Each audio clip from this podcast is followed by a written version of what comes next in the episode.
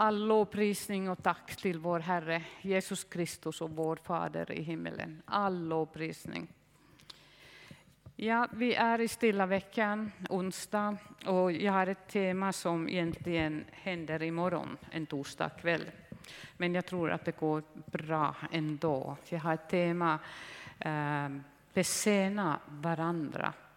Varför ska man besena varandra?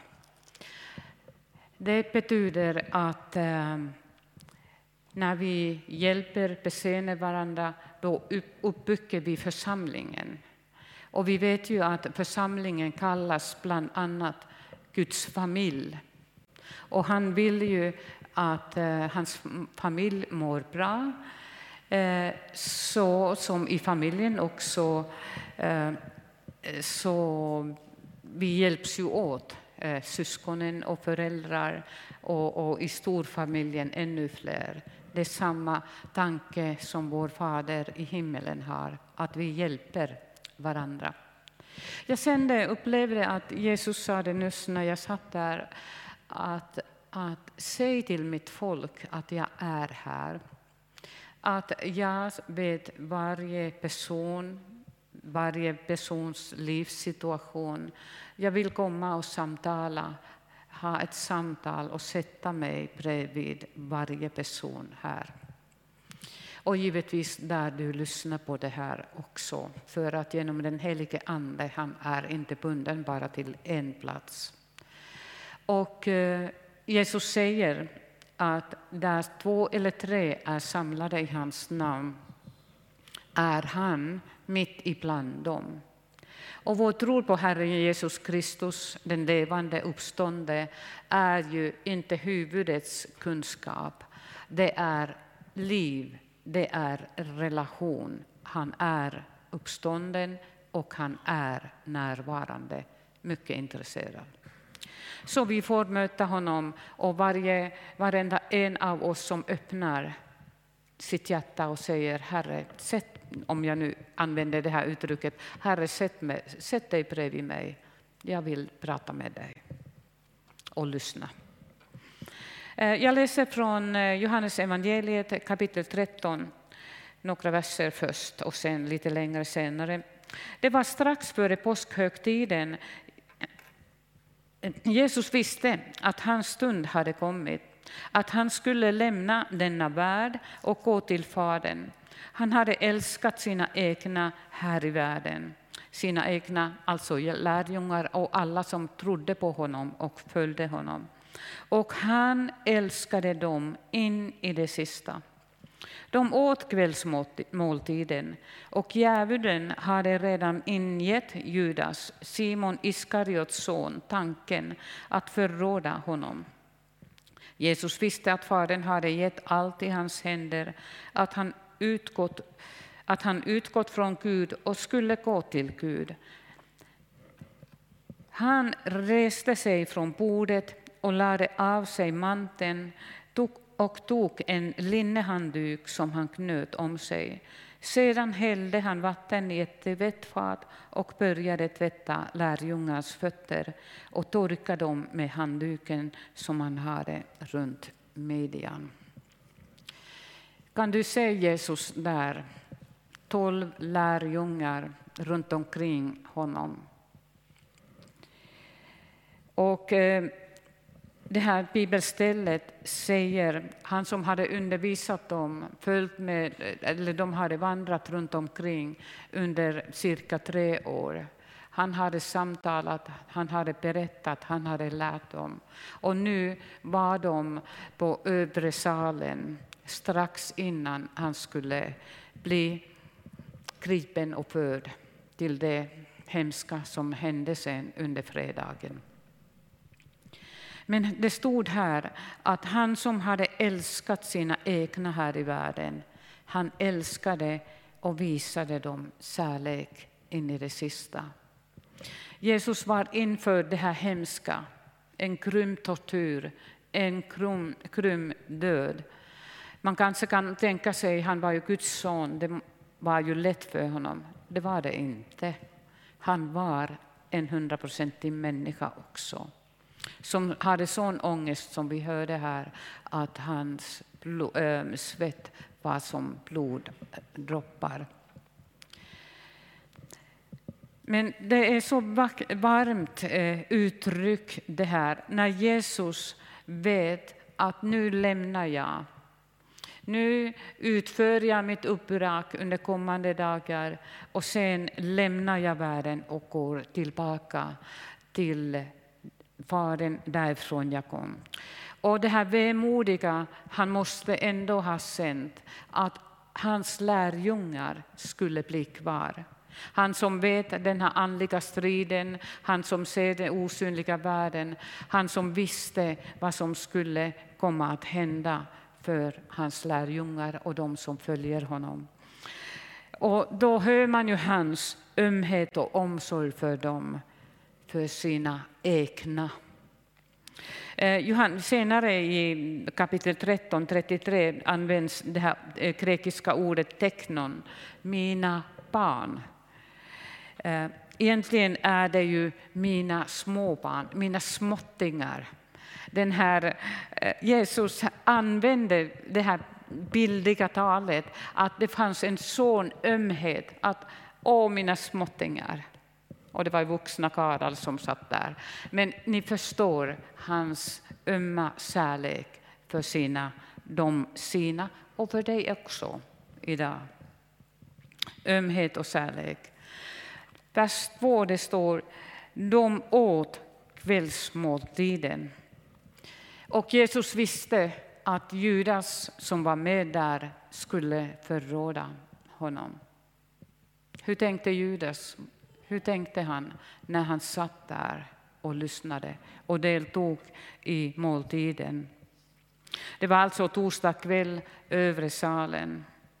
Och när Jesus sa det till Petrus och Johannes när de skulle gå och för, förbereda att laga, och laga påskmåltiden, eh, det var lite finurligt eh, berättat verkbeskrivningen. När ni möter en man som bär en vattenkruka, följ honom och gå till det där huset och fråga och beskriv att mästaren behöver det här utrymmet, så får ni, där kan ni förbereda. Varför detta? Kanske därför att Judas inte skulle få för tidigt få veta var de äter påskmåltiden och, och förhindra denna stund som Jesus innerligt ville ha med de sina egna. Eh, hans undervisning fortsätter ju under flera kapitel här. Han ville ha den här sista kvällen i lugn och ro och eh, lära dem och undervisa dem in i det, in i det sista. Och han visste ju att Fadern hade lagt allting i hans händer. Han skulle ha all makt i himmelen och på jorden. Och han var medveten om sin storhet, om sin kunglighet, om sin helighet ändå för att han var Guds son och den eh, härligheten som han skulle få när han eh, åkte tillbaka, höll jag på att säga, när han gick tillbaka eller lyftes upp tillbaka till himmelen. Han hade en inre, stadig, stark inre identitet. Vet vi vilka vi är? Vad är vår identitet? Jag tror att speciellt nu, om någonsin, är det viktigt att vi som Guds folk, Jesu lärjungar, eh, Guds familj, att vi vet vår identitet. Vi är Guds barn. I vårt inre finns ett heligande sigill, tillhör Gud. Vi är rättfärdiga, som betyder att våra synder är förlåtna. Och att det är bakåt nu och framåt när vi ärligt vill följa Jesus. Det är viktigt att vi vet och säger, jag är Guds barn. Jag är Jesu lärjunge, jag följer honom. Halleluja. Amen. Det ger ju någonting när, när vi, det blir liksom rak i ryggen. Vi vet vilka vi är. Vi är Guds barn. Vi tillhör hans familj. Och eh, sen gjorde han någonting. Han reste sig från bordet, halvliggande där och tog av manteln och vridade runt om sig ett linneduk. Kan ni se honom där när han tittar på lärjungar och hämtar tvättfatet och börjar tvätta deras fötter. Jag kan ana den här förskräckelsen, oron, skammen i lärjungarnas hjärta. Men först, först den här tanken, Judas var där också och Jesus tvådde, tvättade hans fötter. Kan du se den här ödmjukheten, Jesus kärlek? Jag tvättar dina fötter. Jag älskar dig, Judas. En av de sista sanserna. Du kan omvända dig. Eller när han gav den här brödbiten när Johannes frågade vem är det som förråder dig. Eller när Judas kommer. Men då var han kanske så förhärdad redan då att det fanns ingen återvändo. När han kom med soldater eller de här eh, laglärda och, och den gruppen för att gripa Jesus. Men ändå säger Jesus, min vän. Hans kärlek och vilja frälsa, rädda varje människa är så enormt stor. Och den tanken, när vi säger att vår identitet är vi är Guds barn, han är vår broder Jesus Kristus då borde vi ha samma nöd, samma kärlek, samma tanke för alla människor som vi möter. Vi borde ha en nöd i hjärtat när vi hör en ambulans köra förbi. Herre, Herre, ge liv. Herre, hjälp. Har han personen mött dig som ligger på ambulansen? Eller när vi möter människor på gatan och står.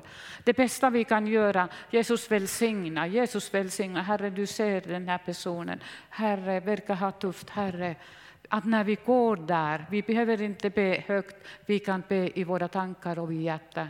Det, vi välsignar. Eller när vi sitter på, i rödljus så kan vi be när vi ser människor. Det är att sprida Jesu kärlek och välsignelse också för att när vi välsignar eh, i Jesu namn.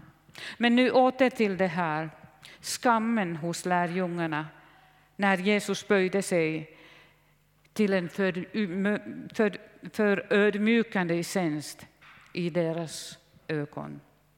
Förnedrande tjänst. De hade lite innan lärjungarna diskuterat vem var störst av dem. Större, högre position i Guds rike. De hade redan ätit eh, kvällsmåltiden. Och det var ju lite konstigt för att man alltid eh, tvättade ju fötterna, slavar, inte ens judiska slavar, utan hedniska slavar. Det var så botten, så förnedrande att tvätta, tvätta andras fötter, att bara hedniska slavar kunde göra, för att de var tvungna att göra. Ingen annan ville göra det. Och här är de, och de har ätit. Och eh, hade Petrus tvättat Jesu fötter eh, innan de började äta, men inte de andras? Hade ingen av dem velat göra detta enkla tjänstefolkets slavas syssla? Ingen hade sett sig kunna tvätta andras fötter, lärjungarnas fötter. Kanske inte ens Jesu fötter. Ingen hade velat sena varandra. Och sen kommer vi till vers 6, men vi hoppar lite över där. För att där reagerar, jag bara nämner att Petrus, ivrig, spontan, eh, intensiv som han är, Herre, ska du tvätta mina fötter. Och Chrysostomus tolkar hans ord så här. Skulle du med de händer som öppnat blindas ögon, renat spetälska och uppväckt döda, två mina fötter.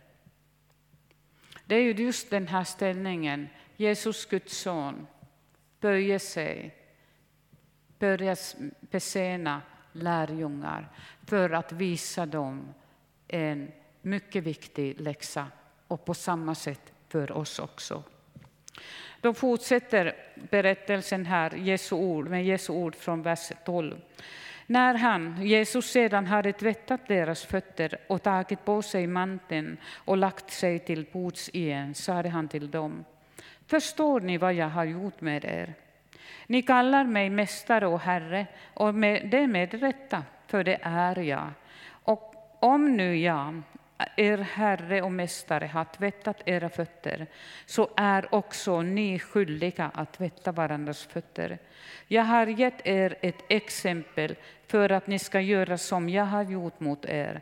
Jag säger er sanningen, senaren är inte större än sin Herre, och budbäraren är inte större än den som har, har sänt honom. När ni vet detta, saliga är ni om ni också gör det. Saliga, lyckliga är ni också som, om ni gör det. Nu menar ju Jesus inte att vi ska börja tvätta våra fötter här. Eller att varje gång vi eh, kommer till bönemöte eller gudstjänst så står det eh, tvättfat och vatten här, att vi börjar tvätta våra fötter. Och man tvättade ju dem inte i en fat att man plaskade i, utan man hällde vatten över fötterna, alltid rent vatten. Men han har en, en, en djupare bild, mycket djupare bild om det här. Hur han vill han som var och är Guds son, hur han böjde sig och gjorde slavens, eh, den lägsta, lägsta slavens syssla, hur han vill lära oss att vi ska hjälpa varandra idag i Eskilstuna, vi som sitter här, de som lyssnar på detta bönemöte. För att när vi är Guds man, när vi är Jesu följare, måste vi ha samma DNA, samma blodomlopp eh, blodomlopp i våra vänner. För att eh, man har ju samma DNA när man tillhör en familj, eller hur? Och då borde det synas i oss och i det som vi gör att vi har vi, vi, vi, har samma DNA som Jesus har. Och det är ju så underbart att det är, återigen är det inte så att vi krystar fram det här senandet. Det är så att Jesus som säger, eh, står här, jag är så i barnatro, barnslig, jag litar på att han står här. Och att, eh, att vi följer, att han, när han vill att jag eller du gör någonting, då behöver du säga Herre, jag kan inte. Du ser mina tankar. Du ser det och det och jag, jag, Herre hjälp mig. Och han gör det. Ibland kan det vara väldigt svårt att eh, ge tid, kraft och hjälpa varandra. Men Jesus vill ju det. Och då när vi erkänner att Herre, du ser. Jag vet, du vill så här, men jag är inte riktigt där. Men Herre, jag vill. Hjälp mig. Och då kommer hjälpen.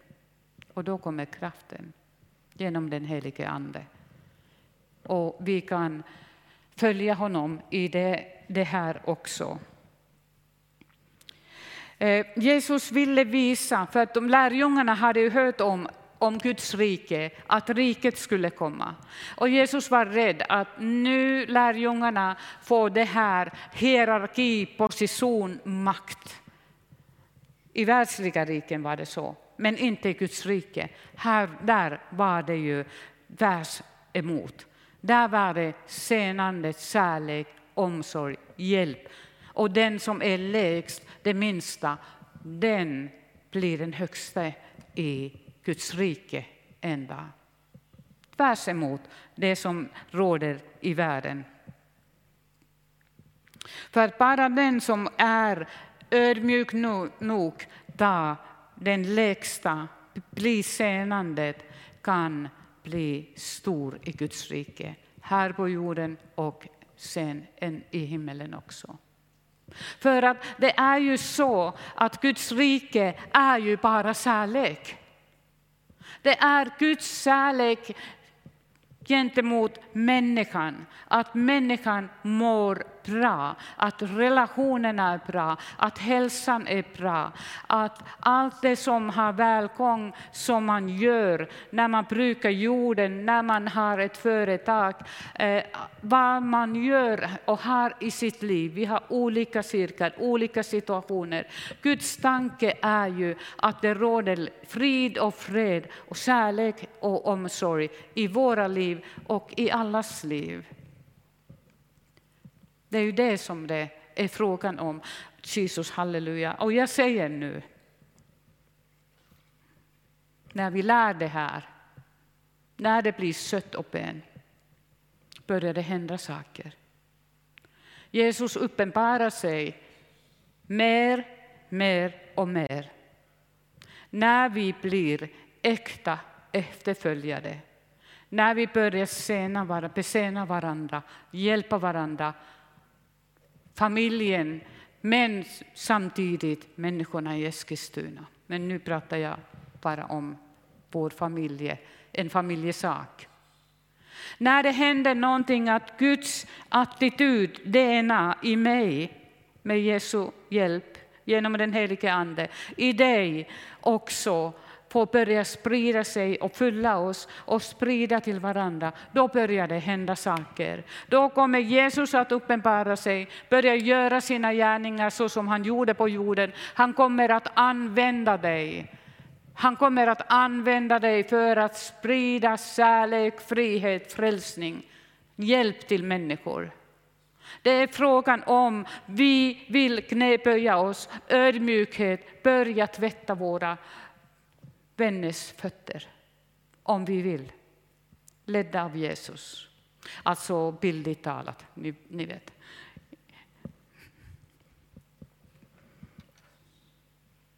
Han sa ju att vi är skyldiga. Vi är skyldiga. Jesus säger, inte jag. Vi är skyldiga att följa hans exempel. Är jag, har jag agerat så som han säger? Galatabrevet, jag läser, jag har skrivit det från Handbok för livet. Eh, Kära bröder, eh, Galatabrevet 6 och vers 1 framåt. Kära bröder, om någon av er faller för en frestelse så bör ni som andliga människor finkänsligt och ödmjukt hjälpa honom tillbaka till den rätta vägen. Men se upp så att ni själva inte kommer fel. Engagera er i andras svårigheter och problem, för då gör ni det Herren befallt er att göra. Om någon inbillar sig, inbillar sig att han är alltför betydelsefull för att ödmjuka sig på detta sätt, så lurar han sig själv. Var och en bör se till att göra sitt allra bästa, för då upplever man personlig tillfredsställelse av ett väl utfört arbete och behöver inte jämföra sig med någon annan. Alla har vi våra svagheter och problem. Paulus skriver detta Aha, alla har vi våra svagheter och problem att kämpa med och ingen av oss är fullkomlig. Det är ju tröstande. Ingen av oss är fullkomlig. Vi har svagheter, vi har svårigheter, men vår skyldighet är att hjälpa varandra. Att hjälpa varandra. Det här andliga, att när vi vandrar vi är rättfärdiga, vi är frälsta. Men våra fötter blir ju dammiga. Så vi behöver att någon tvättar våra fötter. Återigen bildligt. Och när det blir påfrestningar, svårigheter, kanske till och med att vi faller och vi gör något tvärs emot vad Jesus vill. Då är det viktigt att vi i församlingen att vi har vardags själavård för varandra. Att vi har tid för varandra när vi möts. Att vi inte bara hej, hej, hej, trevligt att se. Att vi ledda av det Jesus, att vi ger tid, vi samtalar med varandra. Och sen givetvis finns det själavårdare, pastorer, äldste i, i församlingen. Med all, alla de här olika tjänsterna som Gud till hjälp för oss har gett i församlingen. Så att det är viktigt att vi hjälps åt. Och sen det, det här gamla uttrycket att andliga mödrar och fäder det är ju livsviktigt att vi som länge har gått på vägen, att, eh, att vi hjälps åt. De, eller hjälper dem som är nya på vägen. Eller har gått redan kanske en bra bit. Och sen som, tur, som, som tiden är så får, då får vi också ta emot av dem som har gått mindre, på vägen, mindre bit på vägen. Vi hjälps åt. För att eh, det gamla, nej, Nya testamentet, det är ju full av råd och eh, Paulus skriver om och om igen hur vi ska ta hand om varandra. Vi ska älska varandra, ha överseende med varandra, tala sanning med varandra, förlåta varandra, underordna oss eh, med, med, med varandra. Och givetvis, det här med att tvätta, besena varandra, det är ju inte bara det här, andliga, det här andliga, men som är det viktiga. För att det är ju vår livsvatten och livsbröd, att ingenting kan komma och förhindra oss. Att det inte blir så mycket, mycket damm och smuts och kanske till och med stenar eller cement på våra eh, fötter, skor, att vi inte orkar gå efter Jesus. Och det behöver inte vara stora saker. Jag blir påminn nu om det här, det hände var 70-80-talet. en, en, en grupp vi åkte till en annan församling och eh, jag tänkte att ja, härligt, då får jag vittna och jag var ivrig att vittna om Jesus och tänkte att då, det, Herren vill nog typ att jag vittnar. Men han ledde mig att be för en person och sen sade han till mig det var därför du skulle komma hit. Det kan vara så livsviktigt att när du sänder uppmaning, gå och välsigna den personen. Eller när du samtalat och hör svårigheter, att du säger kan vi be för varandra. Att vi hjälps åt på det sättet också. Och sen har vi nådegåvorna också, men det är en annan sak det.